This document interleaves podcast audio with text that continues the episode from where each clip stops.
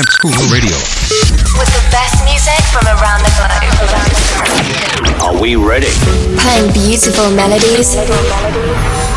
Telling terrible stories.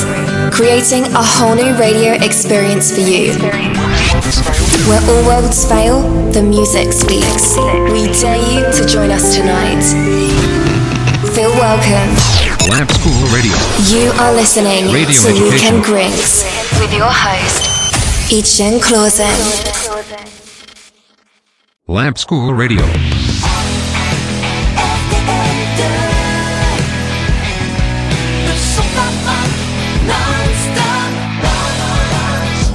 Lamp School Radio. yaitu eh, yang akan menjadi narasumber kita pada pagi hari ini itu Bu Lina ya dan juga Bapak Mahendra. Oh, untuk selanjutnya seperti biasa eh, nanti di sela-sela diskusi kita pada pagi hari ini kita akan ditemani oleh beberapa lagu yang mungkin eh, bisa kita nikmati bersama. Ya, request juga bisa dilakukan di radio ya, di radio kita di alamat radio.eskongalabor.sch.id. Oke, mungkin kita langsung saja sekarang untuk diskusinya. Tema diskusi kita pada pagi hari ini yaitu tentang uh, yang sedang kita alami dalam sekitar dua tahun belakangan ini dan juga kemarin sudah didiskusikan juga oleh beberapa orang narasumber dan untuk mengingatkan lagi dan untuk menambah pengetahuan lagi mari kita bersama-sama dengan materi yang uh, sudah pernah dibahas juga yaitu tentang uh, virus COVID-19 oke Uh, baik, uh, mungkin uh, istilah COVID-19 ini sudah biasa didengar di telinga kita. Jadi untuk lebih memperdalam uh, pengetahuan kita tentang COVID, iya benar benar Bu. uh, uh, ya jadi kita uh, bahas kembali pada uh, uh, kesempatan kali ini. Jadi yang uh, dimaksud dengan COVID itu adalah penyakit menular yang disebabkan oleh jenis coronavirus yang baru ditemukan. Virus baru dan penyakit yang disebabkannya ini tidak dikenal sebelum mulainya wabah di Wuhan, Tiongkok pada bulan Desember tahun 2019 kemarin. Berarti gini Bu ya, eh, sebelum tahun 2019 virus corona belum ada Bu ya? Belum. Belum berarti. Jadi yang selama ini kita dengar itu di di media sosial ataupun di berita-berita yang katanya coronavirus ini sudah ada ditemukan sebelum itu dan redaksi-redaksinya banyak muncul di buku-buku. Itu kemungkinan besar hoax ya Bu?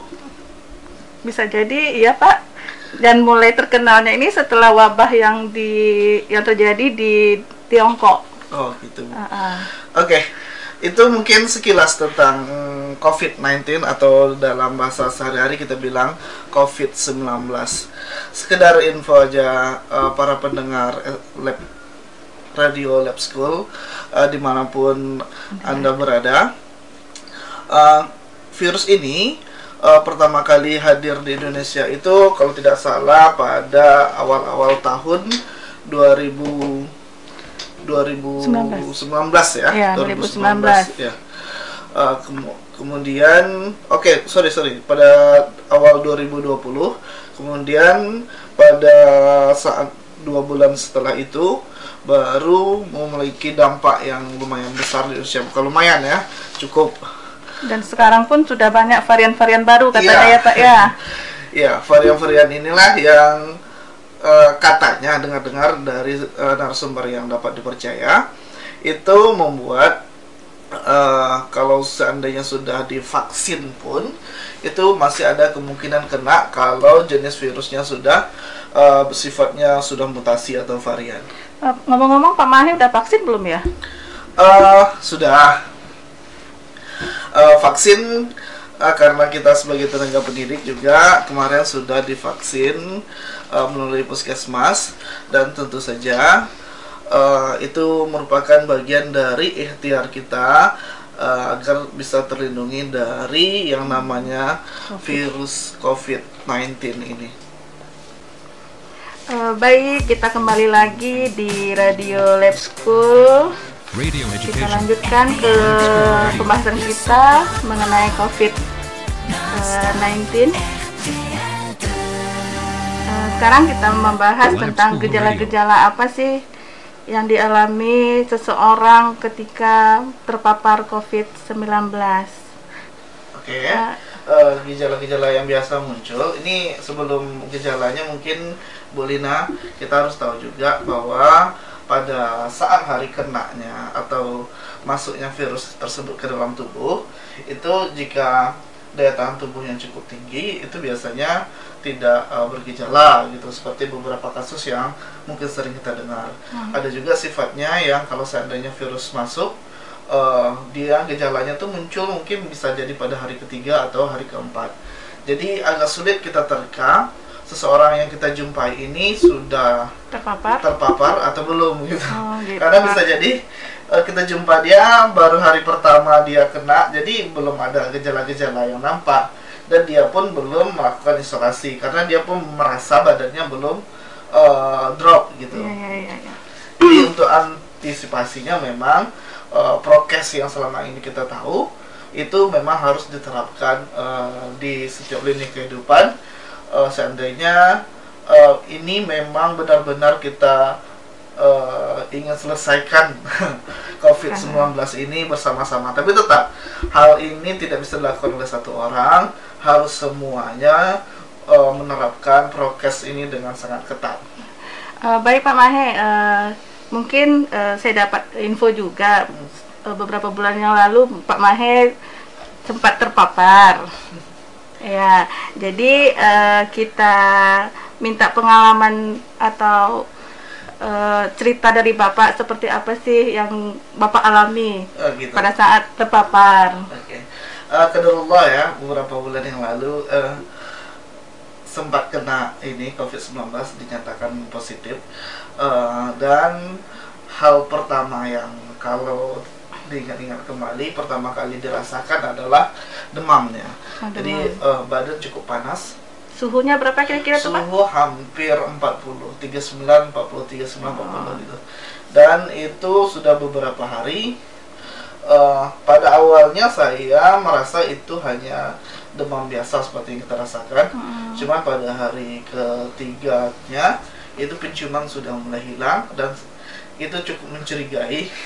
Saya curiga jangan-jangan ini COVID, tapi mudah-mudahan tidak. Jadi Bapak eh, mulai merasa terpaparnya itu setelah penciumannya hilang Iya, ya, Pak? iya, karena pada awalnya kalau demam ya biasalah demam kan, seperti Iya. kita demam biasa. Selanjutnya mungkin ini yang eh, mudah-mudahan bisa kita lakukan bersama, mudah-mudahan ini bisa menginspirasi. Eh, pada saat penciuman sudah hilang, saya bersama istri tentunya, kami serumah berdua, eh, segera melakukan eh, cek di puskesmas terdekat. Karena saran eh, dari beberapa dokter juga begitu penciuman hilang itu jangan ke klinik atau ke rumah sakit lagi. Langsung daftarkan diri ke puskesmas. Terdekat. oh ya untuk mendapatkan eh, cek swab PCR ya. Iya, iya. agar eh, kita tahu tindakan apa yang harus kita lakukan selanjutnya. Seandainya positif gimana? Seandainya negatif di mana? Nantinya akan dibimbing oleh pihak puskesmas bersama dokternya gitu bu. Oke Pak. Eh, terus Pak, eh, bagaimana sih cara Bapak bertahan eh, pada saat dinyatakan positif Iya. gitu?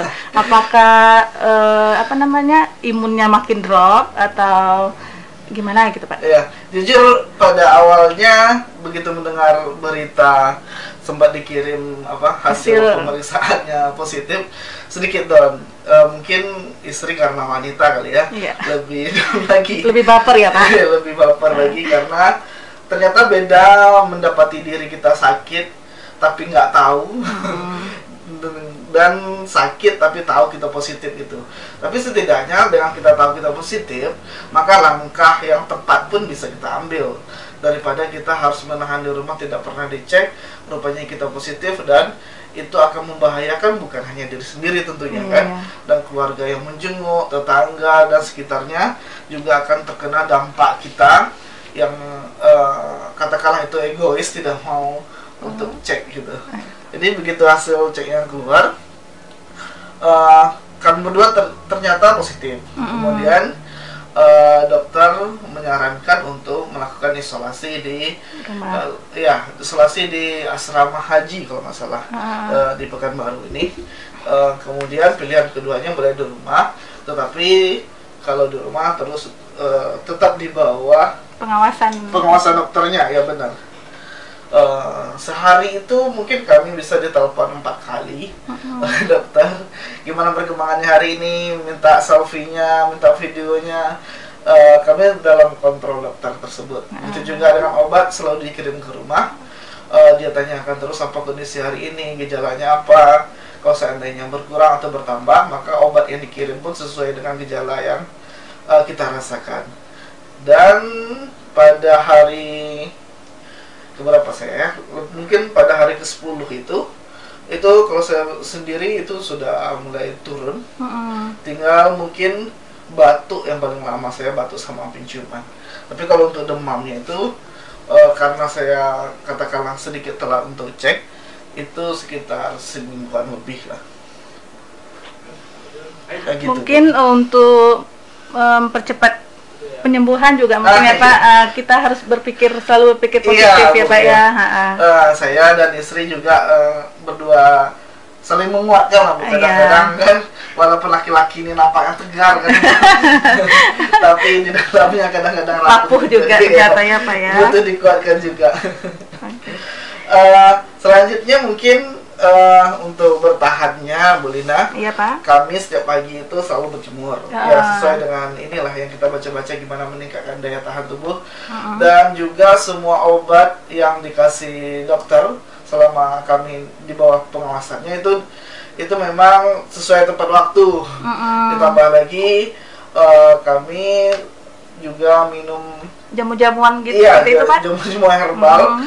Yang mu- mungkin itu juga dapat membantu tapi karena selera makan ini apa memang susah Mm-mm. karena rasa tidak ada, Iya. penciuman tidak ada, habis itu kadang-kadang mual. Jadi untuk menambah energi biasanya kami minum eh minum makan telur rebus. Oh, oh.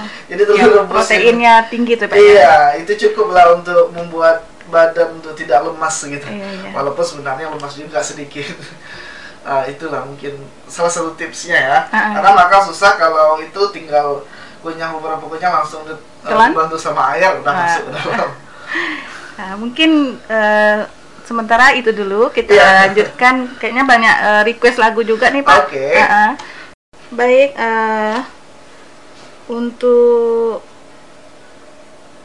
selanjutnya mungkin informasi atau pembahasan tentang COVID ini tidak ada habisnya ya Pak Mahe ya. Iya benar Bu. Eh, mungkin eh, untuk menambah informasi bagi para pendengar live school di mana pun anda berada, mungkin eh, Pak Mahe mungkin akan menyampaikan mm, apa ada apa gejala-gejala yang mungkin dirasakan Pak Mahe pada saat isolasi mandiri.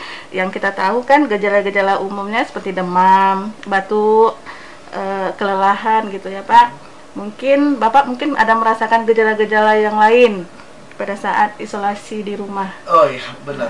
Ada beberapa gejala tapi yang paling berkesan ya sayangnya yaitu eh, badan panas tapi kalau kena air langsung menggigil gitu. Bu. Jadi saya dulu itu eh, kalau sholat eh, beberapa hari tempat tayamum. Oh, nah, tidak bisa nggak- kena air itu ya, langsung menggigil ya. Nah, Eh, selanjutnya mungkin ini napas itu terasa pendek. Jadi eh, kalau seandainya menguap, kalau kita menguap kan eh, nafas kita harus tarik ke dalam. Iya. Nah, itu adalah hal yang paling tidak disukai kalau kita kena covid karena napas kita pendek. Jadi begitu kita hirup napas lebih panjang itu akan Terasa eh, sakit gitu, Pak? oh. itu eh, adalah hal yang hal yang unik ya atau, atau, atau yang biasa mungkin kalau diceritakan eh, sedikit inilah sedikit beda dengan yang sering dibahas hanya sekedar demam gitu. Kejadian uniknya lagi mungkin kalau istri saya itu sempat sesak. Sesak ya? Iya.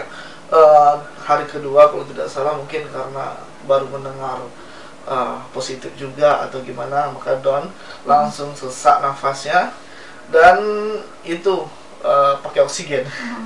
Katanya kan COVID ini, virus COVID ini menyerang paru-paru ya Pak ya? Iya benar. Ah, Jadi begitu napasnya sesak, eh, apa katanya?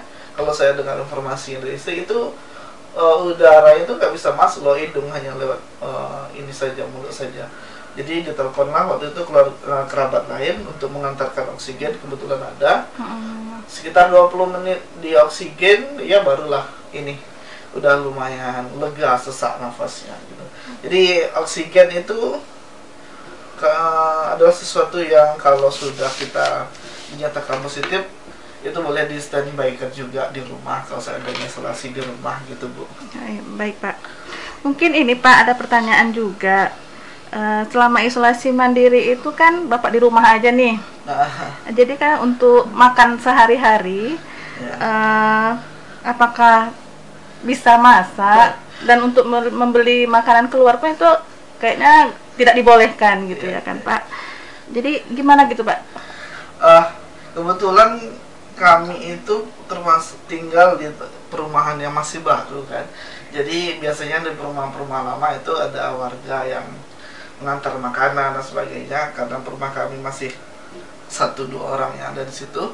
Jadi untuk memenuhi kebutuhan makanan eh, ada dua model, dua model, dua cara yang kami lakukan kemarin. Pertama memang diantarkan kerabat.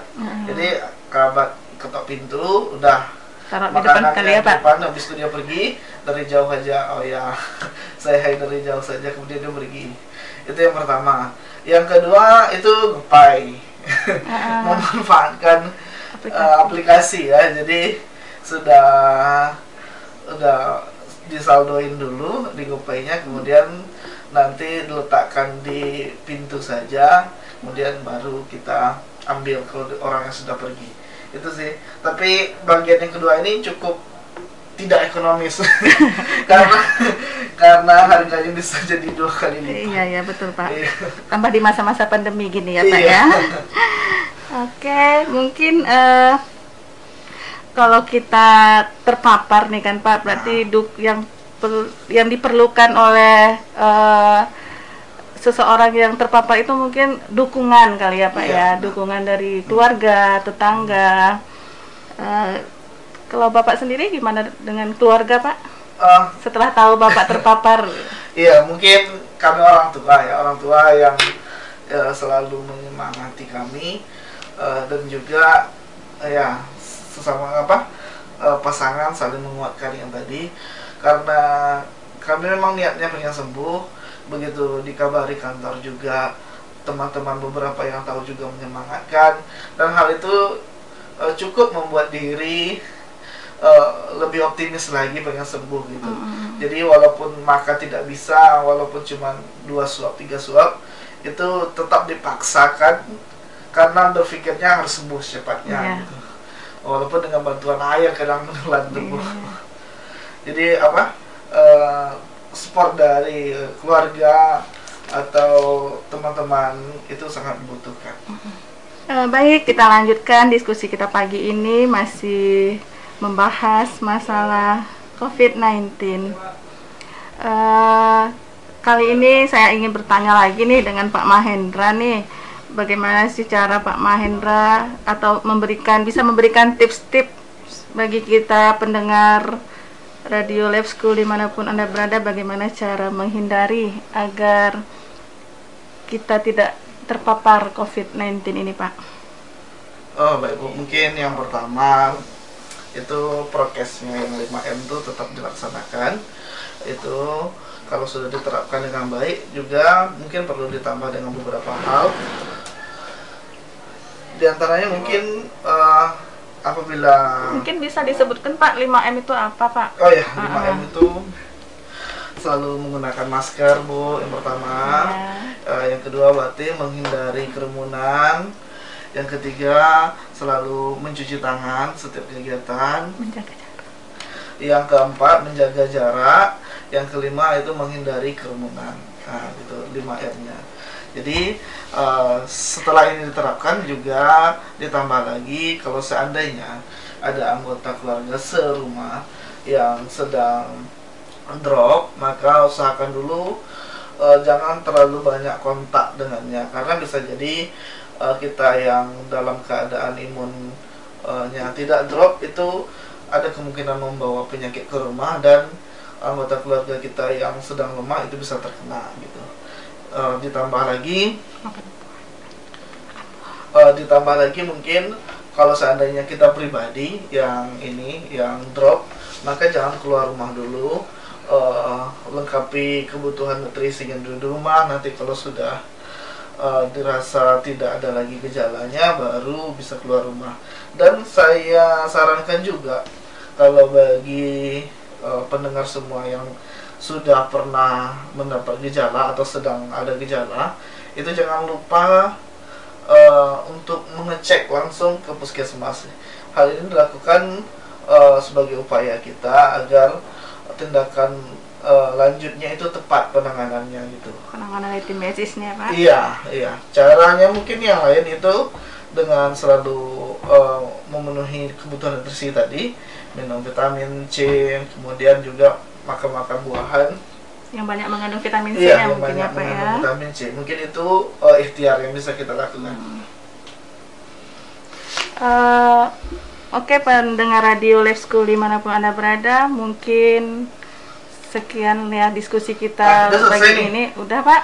Aduh. terima kasih mungkin untuk Pak. Mahe sudah memberikan banyak ilmu pengalaman yang disampaikan pada kesempatan kali ini.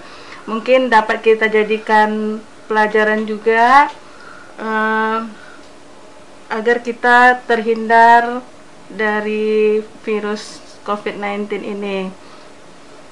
Eh, mungkin saya juga minta maaf seandainya ada tadi kata-kata atau informasi yang salah yang namanya pengalaman eh, itu bisa jadi bertentangan dengan teori yang ada kan eh, Bu Iya, Pak. Eh, satu dua yang mungkin tidak sama jadi yang tadi itu hanya pengalaman pribadi saja jika ada salah mungkin informasi atau yang diucapkan tadi eh, saya juga minta maaf yang sebesar-besarnya mudah-mudahan bermanfaat untuk kita semua Oke, terima kasih Pak Mahendra. Mungkin kita putarkan lagu terakhir nih Pak ya, request dari Bu Lia, guru olahraga SMK Labor. Eh, judulnya apa Bu? Setia untuk selamanya. Aduh, Pak. setia untuk selamanya. Berarti ibu ini memang tipe cewek yang setia ya. Ah, mudah-mudahan gitu. Oke, kami mungkin bersama Bu Lina pamit undur diri dulu. Sekali lagi mohon maaf kalau ada kata-kata kami yang salah atau tidak pada tempatnya. Ah, sampai jumpa lagi dengan kami berdua dengan materi yang berbeda tentunya insya Allah pada hari Rabu depan. Oke, kita putar setia untuk selamanya. Kami akhiri berdua. Assalamualaikum warahmatullahi wabarakatuh. Lamp School Radio.